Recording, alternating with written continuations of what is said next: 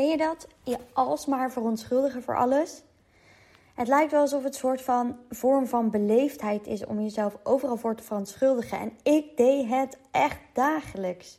Als er dan iemand bij mij kwam in huis, bijvoorbeeld een beetje spontaan, dan zei ik: Oh, sorry voor de rommel.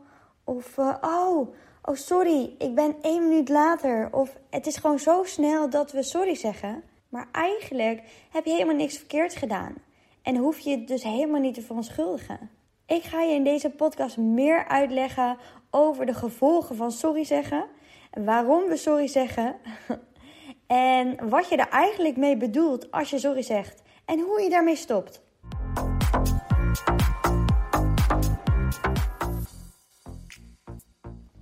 Ik dacht, ik neem lekker een spontane podcast op. Ik neem tegenwoordig ook wel veel IGTV's op. Dus als je nu mij volgt in de podcast, misschien ook af en toe interessant om mijn IGTV's te bekijken.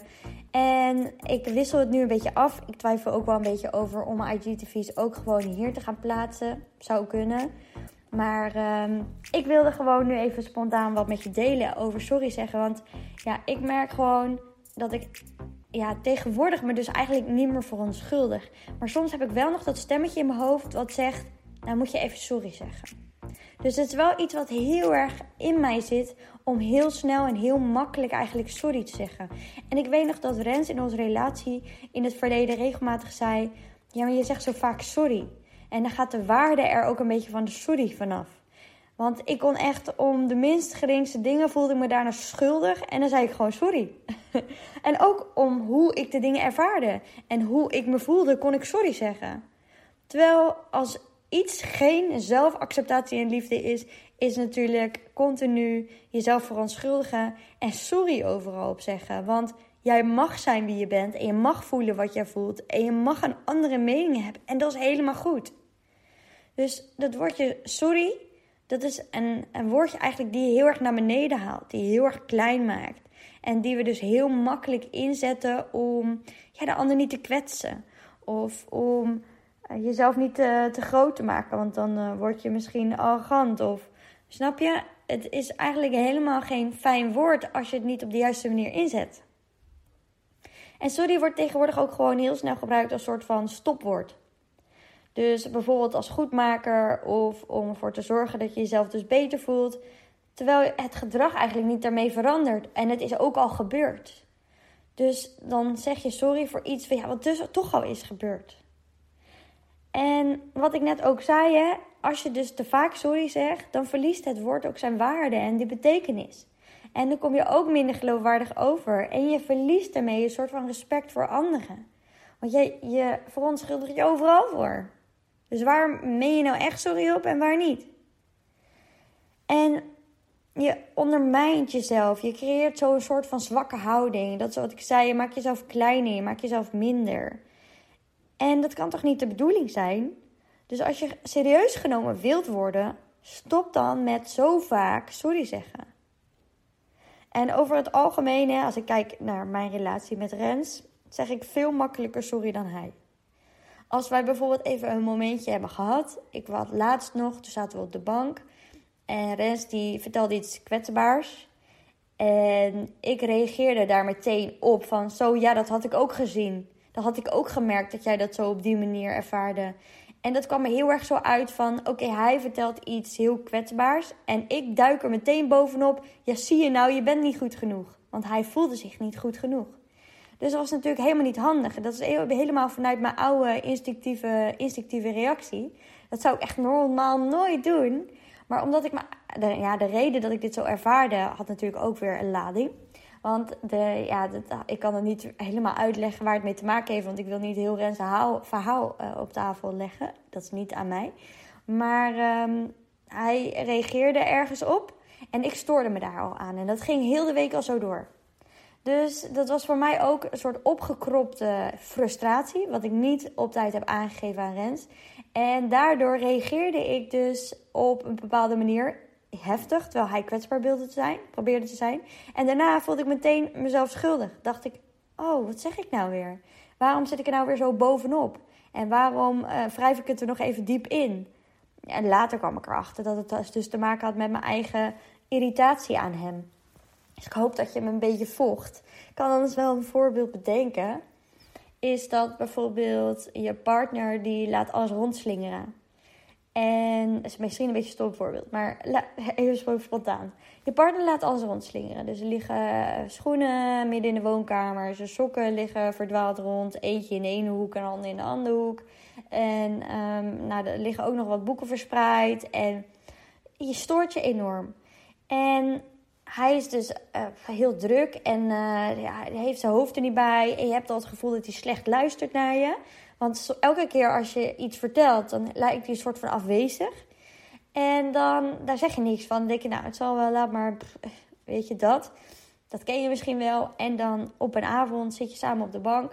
En dan zegt hij, oh, ik heb echt nergens tijd voor. Mijn hoofd loopt over. Ik heb het echt zo druk. Ik merk dat het allemaal een beetje te veel wordt. En dat jij dan zegt, ja, dat had ik ook al gemerkt. Want hè, die sokken liggen ook overal. En die schoenen liggen ook uh, helemaal verdwaald in het huis. En die boeken overal op de tafel.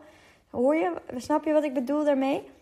En wat ik dus deed op dat moment is dus in die aanval gaan. Waarom ga je dus in de, in de aanval? Omdat je dus jezelf daar ook iets bij voelt, wat hij vertelt. Maar het staat los van zijn verhaal. Maar jij hebt dat zo lang met je meegedragen. Jij hebt elke keer maar oké gevonden dat hij alles rondslingerde. En je hebt zelf die verantwoordelijkheid genomen om zijn troep op te ruimen. Dat had niet gehoeven, je had het ook kunnen vragen. Maar daardoor ga jij over je grens en word jij ook eigenlijk soort van... Op zo'n moment ga je ontladen, als het ware. En zo ontstaat er natuurlijk ruzie. Want dan zit je allebei in dat hoofd, in die gedachten, in wat er niet lekker loopt. En dat gaat botsen. Nou, dat hadden Rens en ik dus ook over een ander uh, onderwerp. Maar, en dat botste toen ook even. En dan het eerste wat ik dan roep is... Oh, sorry. Sorry, ja. Dat is echt, kwam heel stom uit. Nou mag ik daar natuurlijk wel sorry om zeggen. En dat is oké, hè, om sorry te zeggen. Want zo vaak zeg ik het ook niet meer. Maar voorheen zei ik dit met alles wat ik zei. Terwijl, ja, ik mag ook voelen. Het gaat niet alleen maar om zijn gevoel. Hij vertelt iets kwetsbaars. Maar ik ook eigenlijk hiermee. Want blijkbaar zat mij ook van alles dwars. Dus het is niet zo dat ik altijd zijn gevoel boven mijn gevoel moet zetten. En dat was wel een heel mooi inzicht van mezelf. Dat ik dacht, ja, ik kan ook zeggen, ja, maar ik had ook hier erg last van. Weet je, omdat hij zijn verhaal doet, hoeft het niet te betekenen dat ik, ik niet mijn verhaal mag doen. Dat zijn ook weer overtuigingen die ik vroeger had. Ik weet nog, mijn ex, die, uh, die kon wel heel erg over zichzelf praten. En dan uh, ja, had ik niet het gevoel dat ik er ook iets over mezelf moest vertellen. Want dan ja, voelde ik me snel te veel. Of uh, ja, dat het niet goed was dat ik ook zo over mezelf ging vertellen. Nee, hij, was, hij had die aandacht, dus ik moest aandacht voor hem hebben. Terwijl nee, dat is niet zo. Er mag ook aandacht voor jouw gevoel zijn. Dus moet je dan sorry per se zeggen? Nee, ja, misschien omdat ik onhandig had gereageerd. Maar ook dat is weer menselijk, snap je? Dus je hoeft niet per se sorry te zeggen. Je kan ook zeggen, oh, ik had wel even anders kunnen reageren. Punt. Weet je, je hoeft niet meteen sorry, sorry, sorry te roepen. Even om je, omdat je dus, behalve als het gewoon goed voelt, maar vaak voelen we ons dus kleiner en daardoor minder. En ik zette me daarmee ook wel een beetje in de positie van: oké, jij bent een beetje boos, dus nu zeg ik sorry, want dan hoop ik een beetje de boel te sussen. En dan ga je jezelf dus ook kleiner maken. En dan stel je jezelf ook ongelijkwaardig op. Wat helemaal geen fijn gevoel geeft. Zeker niet in je relatie, maar ook niet met je collega. Of je wil gewoon een gelijkwaardige relatie, want anders maakt dat je onzeker. En dus zit je niet in zelfacceptatie. Kijk, spijt hebben en een excuses maken is alleen voor als je het natuurlijk echt meent. En de ander moet dus ook die excuus verdienen. Dus jezelf verontschuldigen doe je in situaties waarin je het goed wil maken naar bijvoorbeeld een conflict. Of als je iets gezegd hebt wat je niet meende. Dus dat, daar kan je natuurlijk ook wel sorry op zeggen. Of onverwachts de ander uh, kwetst of zo. Net zoals wat ik eigenlijk stiekem wel een beetje had gedaan. Of als je iets gedaan um, had wat je niet had moeten doen. Daar zou je eventueel sorry op kunnen zeggen. Maar dan is het dus ook weer. Is dat dus echt geschikt in die situatie? Want wat had jij dan niet moeten doen? Ik bedoel, misschien als jij bijvoorbeeld op werk iets gedaan hebt, bijvoorbeeld een bepaald, uh, je hebt een bepaalde taak en dat moet je afronden. En uh, dat heb je niet gedaan. Je hebt je deadline niet gehaald. En je hebt niets laten weten aan je collega, want dat is dan overal niet zo netjes, hè, volgens de algemene normen en waarden. De meeste mensen, die, hè, het is niet netjes als je niet laat weten als je uh, niet op tijd komt of als je een deadline niet haalt, et cetera, et cetera.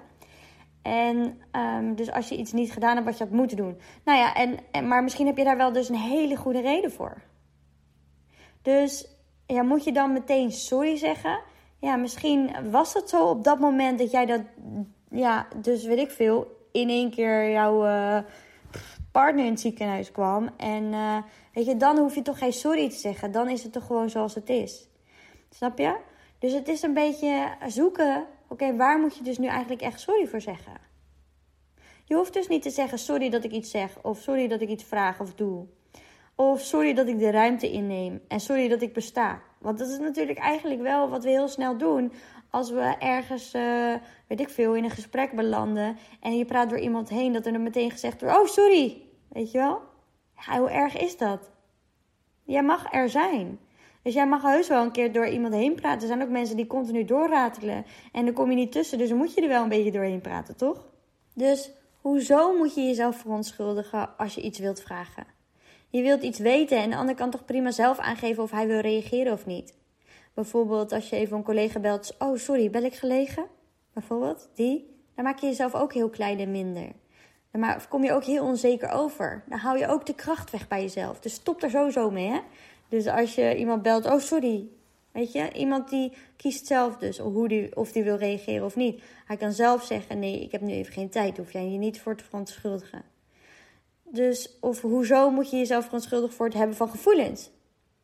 Want het is juist heel krachtig om gevoelens te hebben. Ik zie het ook heel vaak, en ik herken het aan mezelf, is dat ik als ik verdrietig, als ik in één keer moest huilen op werk bijvoorbeeld, dan zei ik, oh sorry, oh sorry, ja. En dan, weet je, want er kwam alle aandacht op mij. Daar maak ik mezelf toch ook. Dus ik mag niet al die aandacht op mij richten. Daar merk ik mezelf heel, heel klein mee. Snap je? Dus je wilt toch juist ook oprecht zijn. En je wil dus ook toch dat mensen jou zien zoals jij bent. En dan zonder dat masker. Dus je hoeft je absoluut niet te verschuldigen voor je gevoelens. Je laat juist kracht zien als je gevoelens toont. Of nog erger, jezelf verontschuldigen voor iets wat een ander doet naar jou of naar iemand anders? Sinds wanneer ben jij verantwoordelijk voor het gedrag van een ander? Ja, ik was vroeger, ja, zei ik heel vaak sorry.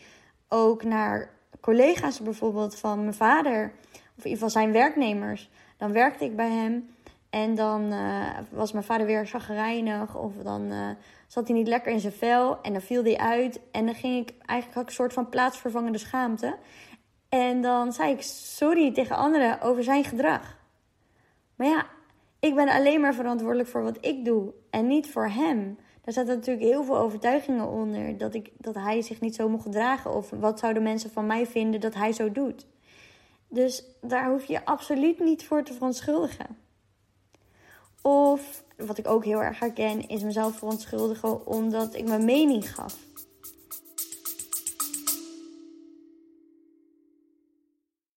Sorry dat ik je onderbreek, maar mocht je nou tijdens het luisteren van deze podcast opmerken, is dat je zoveel erkenning ervaart en voelt dat je er wat mee wil, dat je deze kennis die je nu hoort in de praktijk wil brengen, vraag dan gewoon eens een vrijblijvend gesprek aan via www.lien-forward.nl of ga naar mijn link in bio in, op lien-forward op Instagram.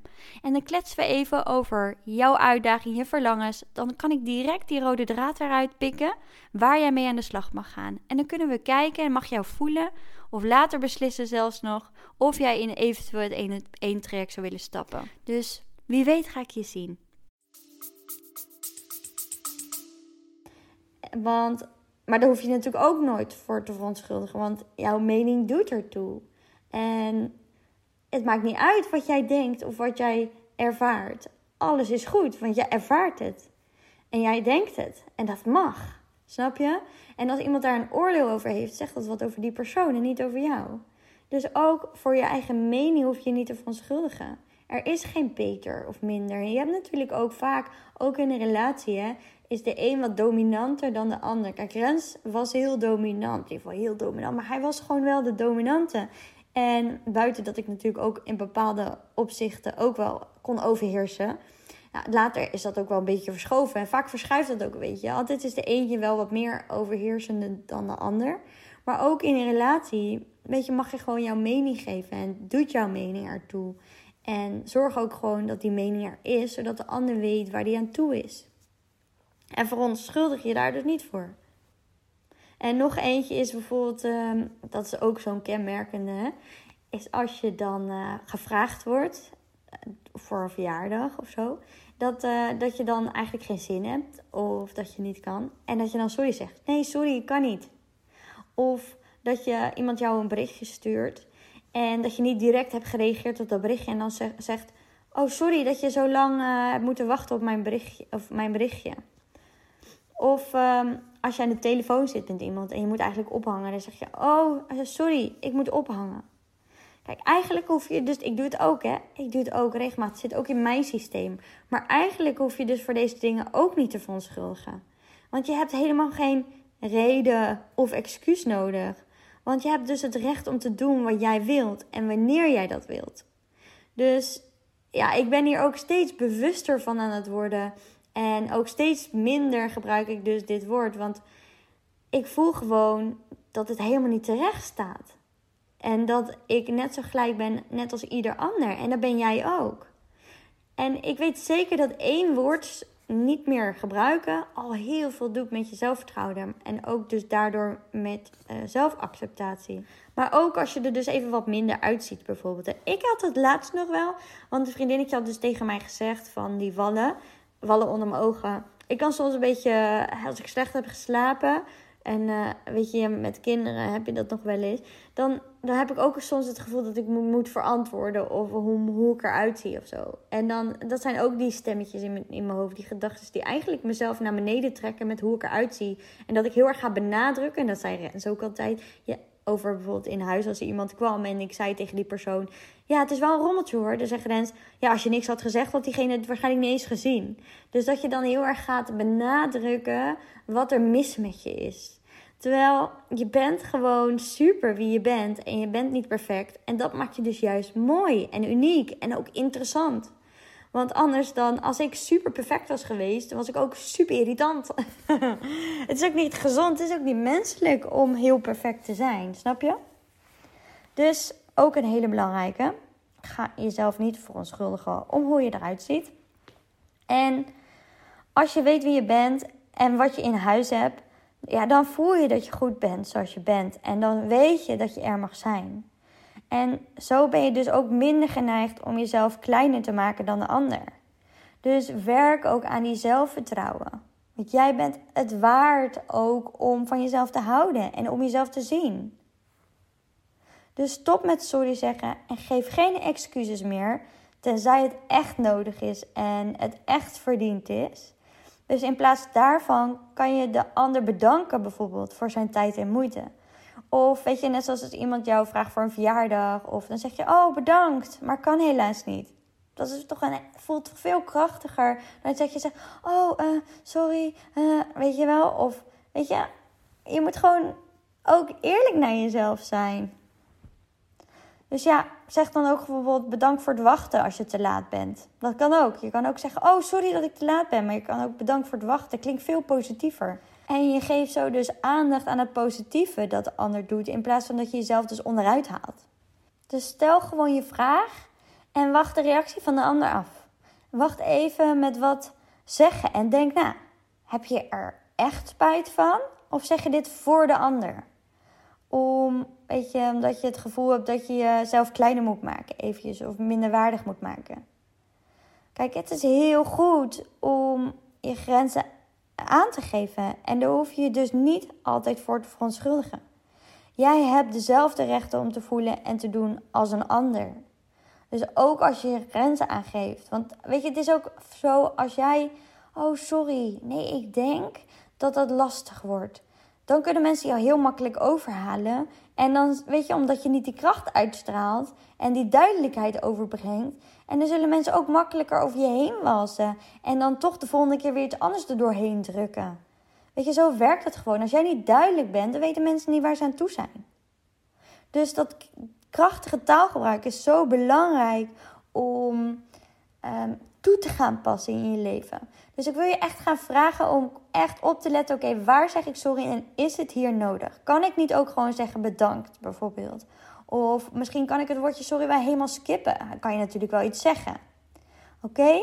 Ik hoop dat ik je hiermee geïnspireerd heb, omdat je vanuit hier dus veel makkelijker is om die power in jezelf te gaan voelen.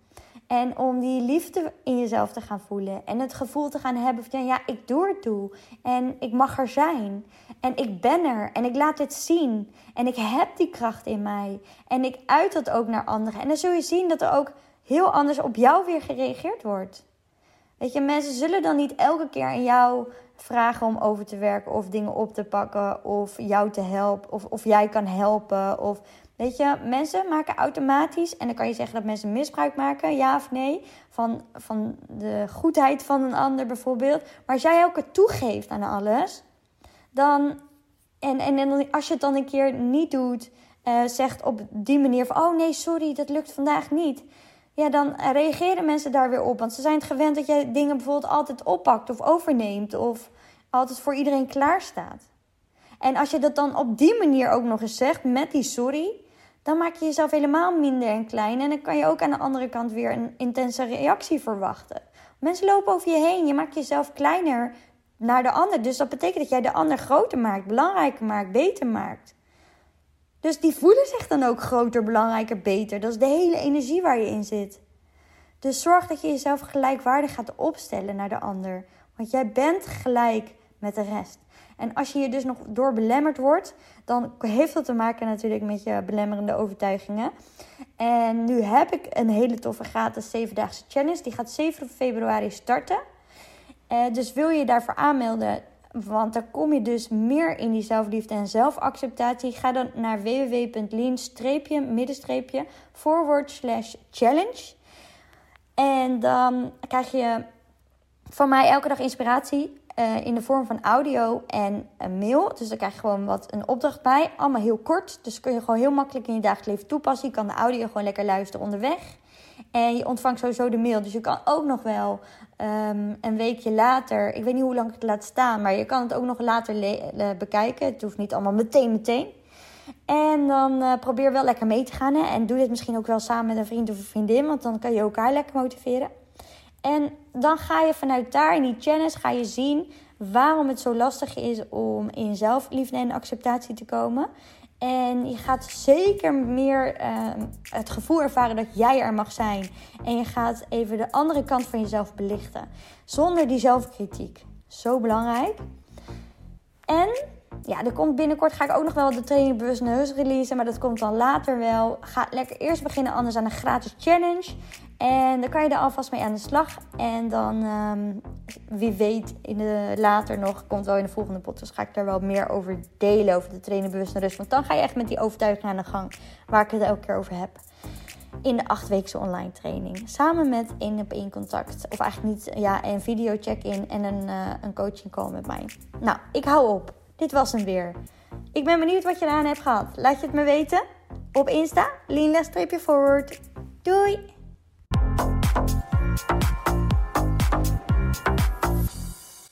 Dat je hebt geluisterd. Deel het op Instagram om ook anderen te inspireren en tag mij. Het zou mij enorm helpen als je deze podcast gaat volgen en als je een review achterlaat op iTunes via Apple Podcast. Zo word ik beter vindbaar en kan ik daarom nog meer mensen helpen. Bedankt. Doei!